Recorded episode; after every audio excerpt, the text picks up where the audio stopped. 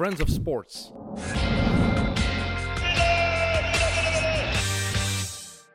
Welkom bij Mit Mit Binnen, uh, de derde aflevering inmiddels. Welkom Evert, welkom Frank. Goedemiddag. Frank, uh, ben je, ken je Mit Mit Binnen al? Niet persoonlijk, nee. De naam is gebaseerd op u eigenlijk, met uw binnen-uitspraak. Ja, had ik begrepen, ja.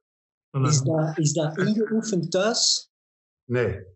Nee, van mij. Ja. Nee, nooit, never. Nee, dat is spontaan gekomen en ik heb dat eigenlijk nooit gemerkt tot men mij er begon op te wijzen. En dan ben ik het eigenlijk automatisch ook minder gaan doen. Omdat, ja, dat als ik het daar riep, dan dacht ik, oei, ik ben mij hier aan het aanstellen. Ik wil niet in de val trappen van dat dat alleen maar een gimmick wordt. Ik heb dat echt spontaan geroepen en gedaan. En ja, ik doe het nog wel af en toe, maar wel minder doordat dat ja, dus een soort hype geworden is. En uh, zo gebeurt het in het voetbal. Hè. Ik kan commentaar geven. Er zijn commentatoren dat, dat zo'n dingen oefenen. Hè? Ja, ja dat, dat, weet ik, ja. ja. Op wie bedoelt je dan? ja, zo van die, van die commentatoren die zo overdreven goal, goal, goal, goal roepen. Dat is ja. vaak thuis geoefend. Ja, Rick de Sale die heeft dat ooit uh, gelanceerd in 1982. Hè? Bij het doelpunt van Erwin van den Berg uh, in die openingsmatch tegen Argentinië. Op het WK in Barcelona, in Spanje toen. En die had dat zo als gimmick ingevoerd, omdat de Zuid-Amerikaanse uh, collega's die doen dat. Hè. Die, die, hebben zelfs iemand bij om dat te doen. Hè. Dus een commentator en iemand die reclame doet en dan nog iemand die alleen maar roept. Die zitten meestal met drieën. En die geven die reclames vaak op momenten dat het een dood punt in de match is, of zo bij een corner of net voor een corner, spreken die ook de reclame niet. Dat is natuurlijk voor commerciële zenders uiteraard. Maar dat is allemaal geregeld. Maar er is ook één bij die alleen maar roept. Die heel lang, en er zijn records van, hè, van mannen die dat 60 seconden kunnen volhouden, of 53 of zo. Ja. Maar dat is dan, als het te is, dat er dan iemand gewoon binnenkomt, uh, voor witte tanden uh, gebruik Colgate. Ja. Uh, die zit daar al, hè. die moet niet binnenkomen, maar die zitten met drieën naast elkaar. Ik heb dat ooit gezien op Antwerpen, is een match tegen Flamengo. En dan ja, de commentator, die gewoon zoals wij, zal ik maar zeggen, beschrijft wat er ongeveer gebeurt of uh, daar een toegevoegde waarde probeert aan te geven. Dan is er iemand die de reclames invoert, die dan Coca-Cola roept of zo, niet de tanden. En dan is er nog iemand die gewoon goal roept zolang hij kan. Dat is een soort ademhalingstest. Die testen dan met onderwatermaskers en zo. Maar dat is echt waar, ja. Dat is echt waar. Colombia heeft dat heel erg ook, ja. Daar valt geld mee te verdienen. Maar gewoon een goede ademhaling hebben. Ja, gewoon ja, trainen, hè. trainen ja. En dan, Hoe, uh, het concept van Meet Meet Binnen is, we bespreken altijd uh, het spelletje en de, onze liefde voor het spelletje. Dus niets over uh, corona of niets over de lockdown. En we beginnen met de vraag altijd wie uw eerste voetbalshirt was. Ik, ik ben niet zo'n shirtverzamelaar geweest in mijn leven, moet ik toegeven. En toen was dat ook wel iets minder in nog. Nu is dat een beetje ja, gewoon een trend geworden. Ik heb nu wel een uh, shirt gekregen van Dries uh, Mertens bijvoorbeeld in een broekje. En dat draagt mijn zoon dan, want Dries is nogal klein, ik ben te groot daarvoor.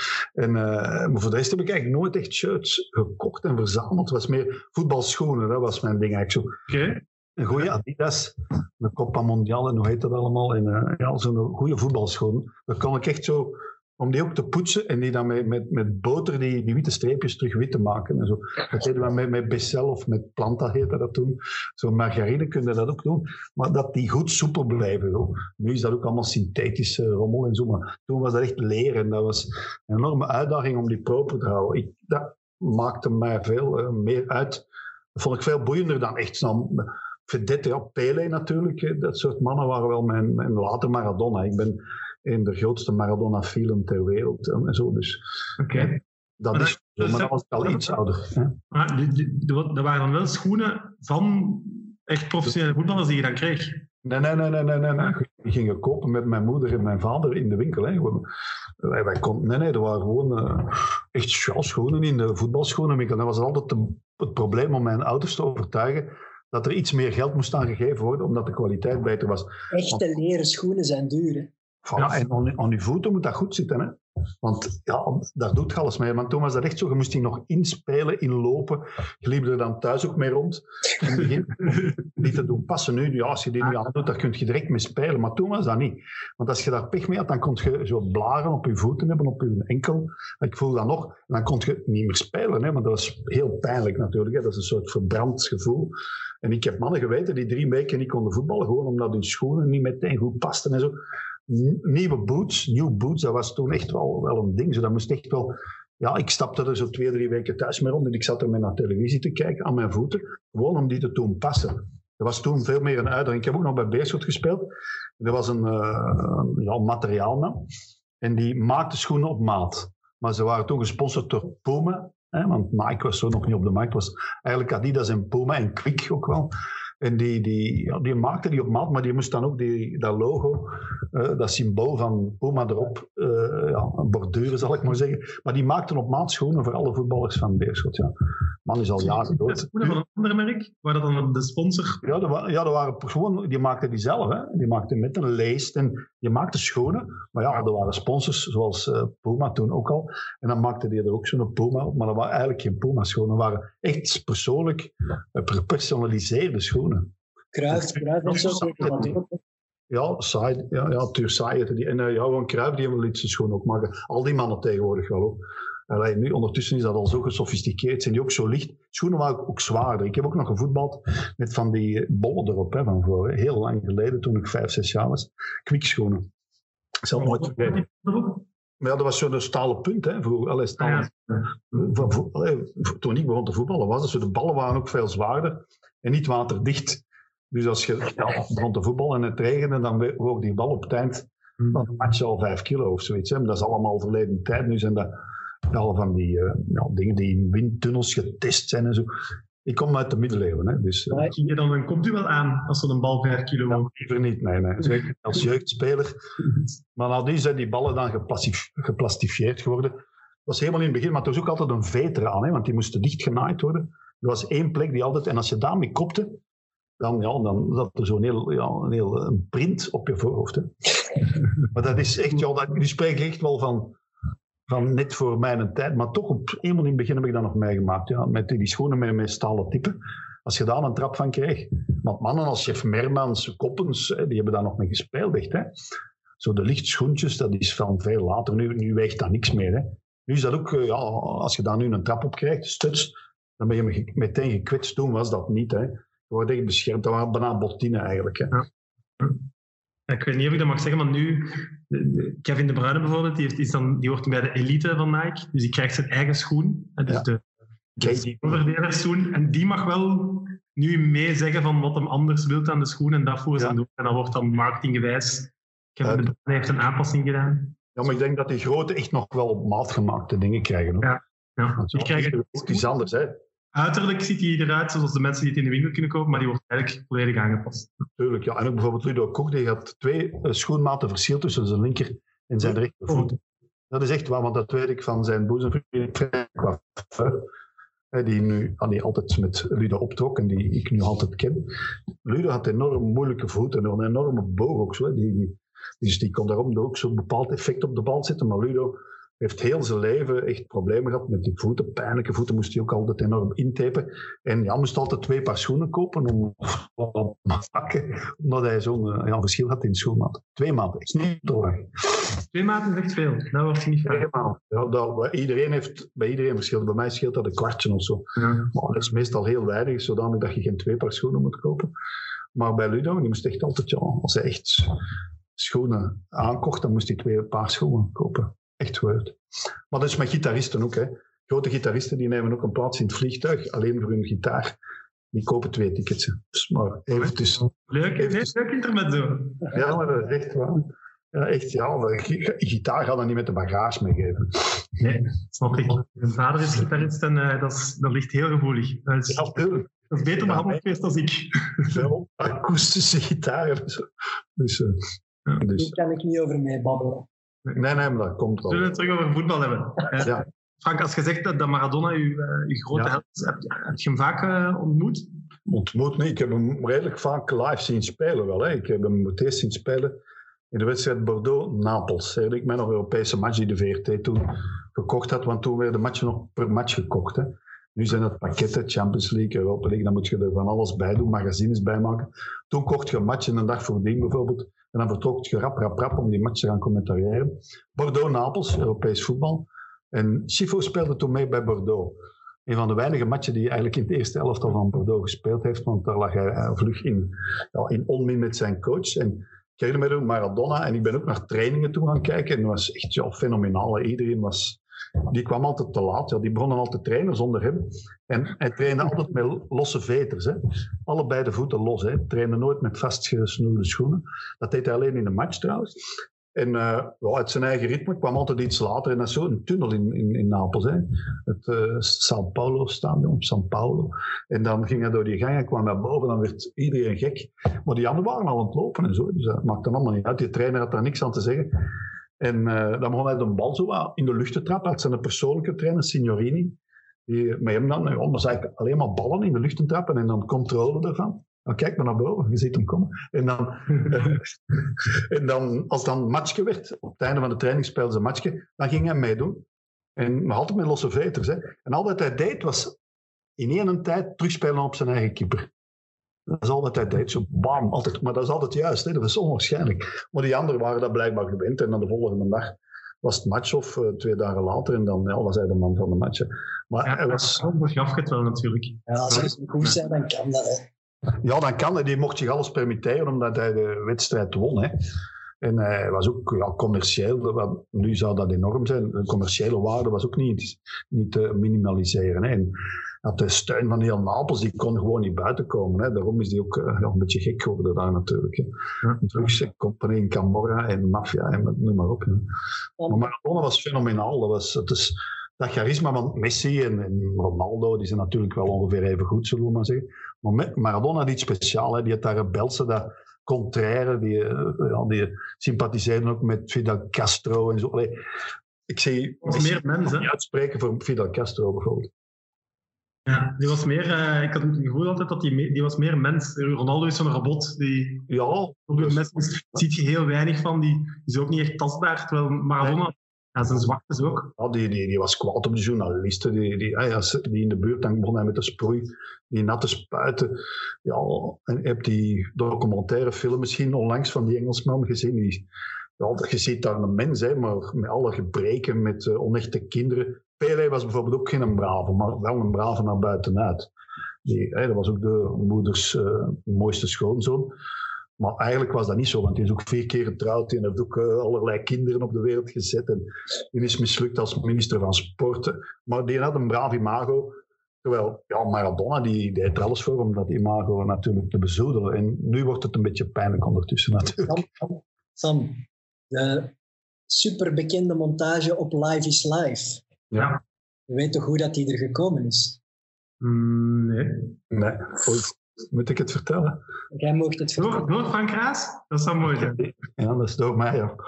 ja dat is uh, een van mijn hoogtepunten. Allee, het enige hoogtepunt in mijn carrière. dat is uh, Bayern München, Napels was ook zo'n Europese match en ik commentarieerde die. Uh, de heenmatch was al door Napels gewonnen. En ja, Bayern in dat grote stadion, nog het oude stadion, hè, het Olympische stadion niet, waar dat ze nu spelen.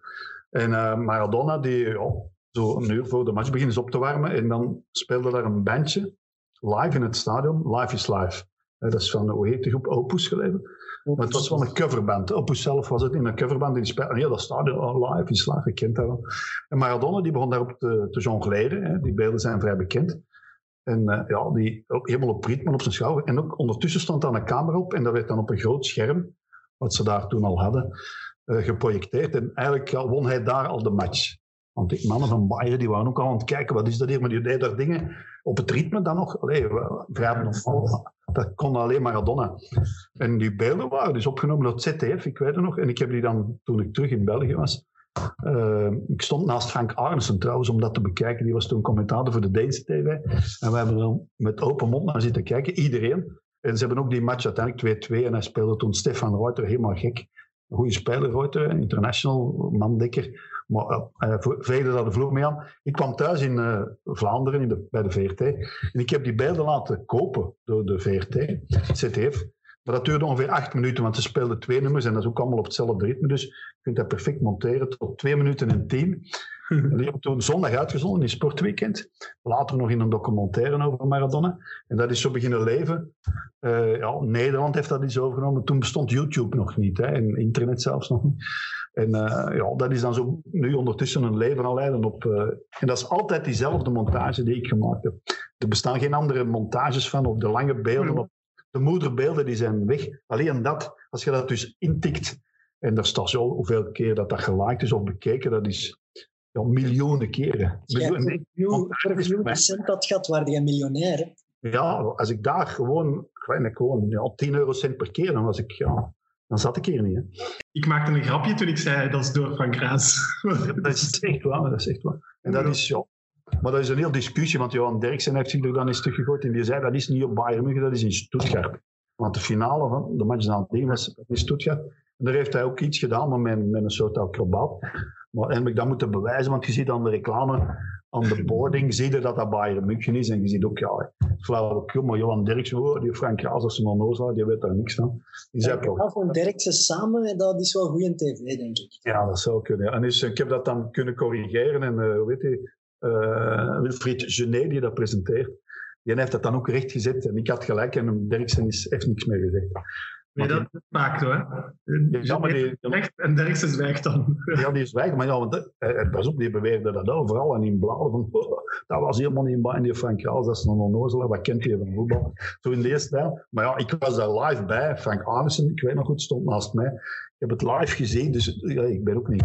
Maar die Derksen bleef dan maar verspreiden tot ik dan met montages die ik dan doorgestuurd heb, eh, niet via WhatsApp, maar zoiets in de nacht. En hij heeft dan ja, niks meer gezegd. Hij heeft er het zwijgen toe gedaan, hij heeft zich ook nooit verontschuldigd.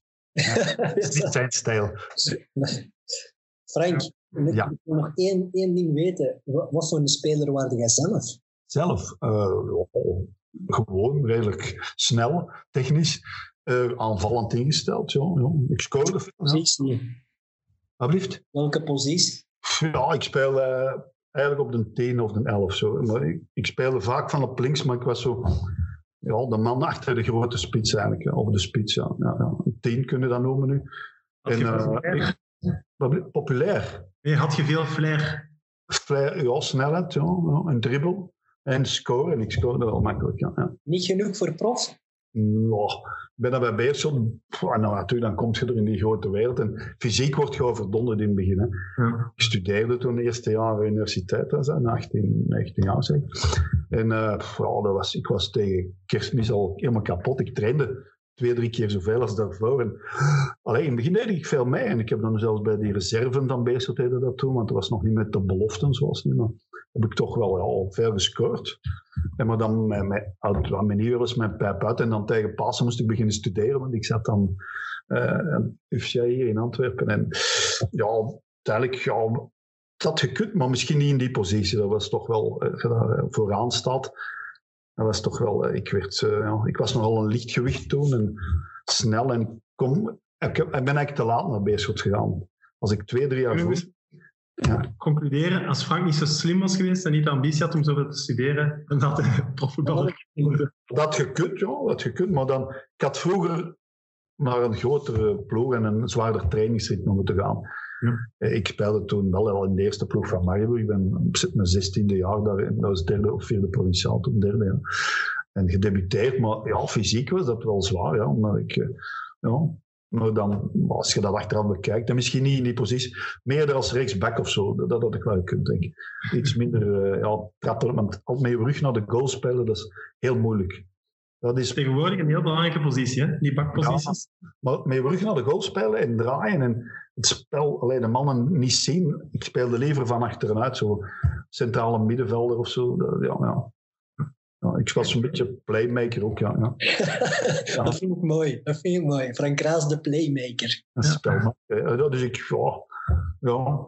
Maar ik scoorde ook veel door dat daar. Die, die, die, al die reeksen ging dan nog bij de jeugd. Hè. Maar ja, ik weet het niet. Maar ik denk wel zoals eh, aanvallende rechtsback of zo, dat had ik wel gekund. Of linkback, ja. Alexander Arnold. Ja, zo. Ja, toch Ik kan het niet zeggen, maar... Mijn probleem is, de, mijn man in een rug spelen, die wordt enorm onderschat, zoals Van Basten. Zo, altijd zo'n man in een nek die je tegen een Achillespees zit, te duwen en te trekken. De- Allee, daar moet je voor geboren zijn. Zoals Ibrahimovic of zo, ik zeg maar iets. Allee, en, en Messi is ook zo slim? Het probleem dat Lukaku ook een Ja, die kan dat ook, hè. Die, maar die heeft een lijf dat niet te vergelijken is. dat dan vaak Ja, dat is ja. Je hebt er mannen die, en die Messi die loopt zo wat weg eigenlijk uit die positie. Hè? Ja. En die is ook het beste als Suarez er is, die dan al die klappen opvangt. En, Ja, Messi blijft gewoon staan en de rest Ja. loopt weg bij. Ja, die, die, is, ja, die heeft zo'n soort instinct om de vrijheid te vinden op een veld. Hè. En die is dan technisch ook redelijk goed, dus dat, eh dat komt. Ja, dat komt niet goed. Evert heeft dorst. Fiets Nee, hoe? Frank? Ik ben verloren gereden met fietsen, dus eh, ik moet echt bijtanken. Ja, Oké, dat is goed. Perfect. Ik heb gezien dat jij ook hebt gefietst, toch?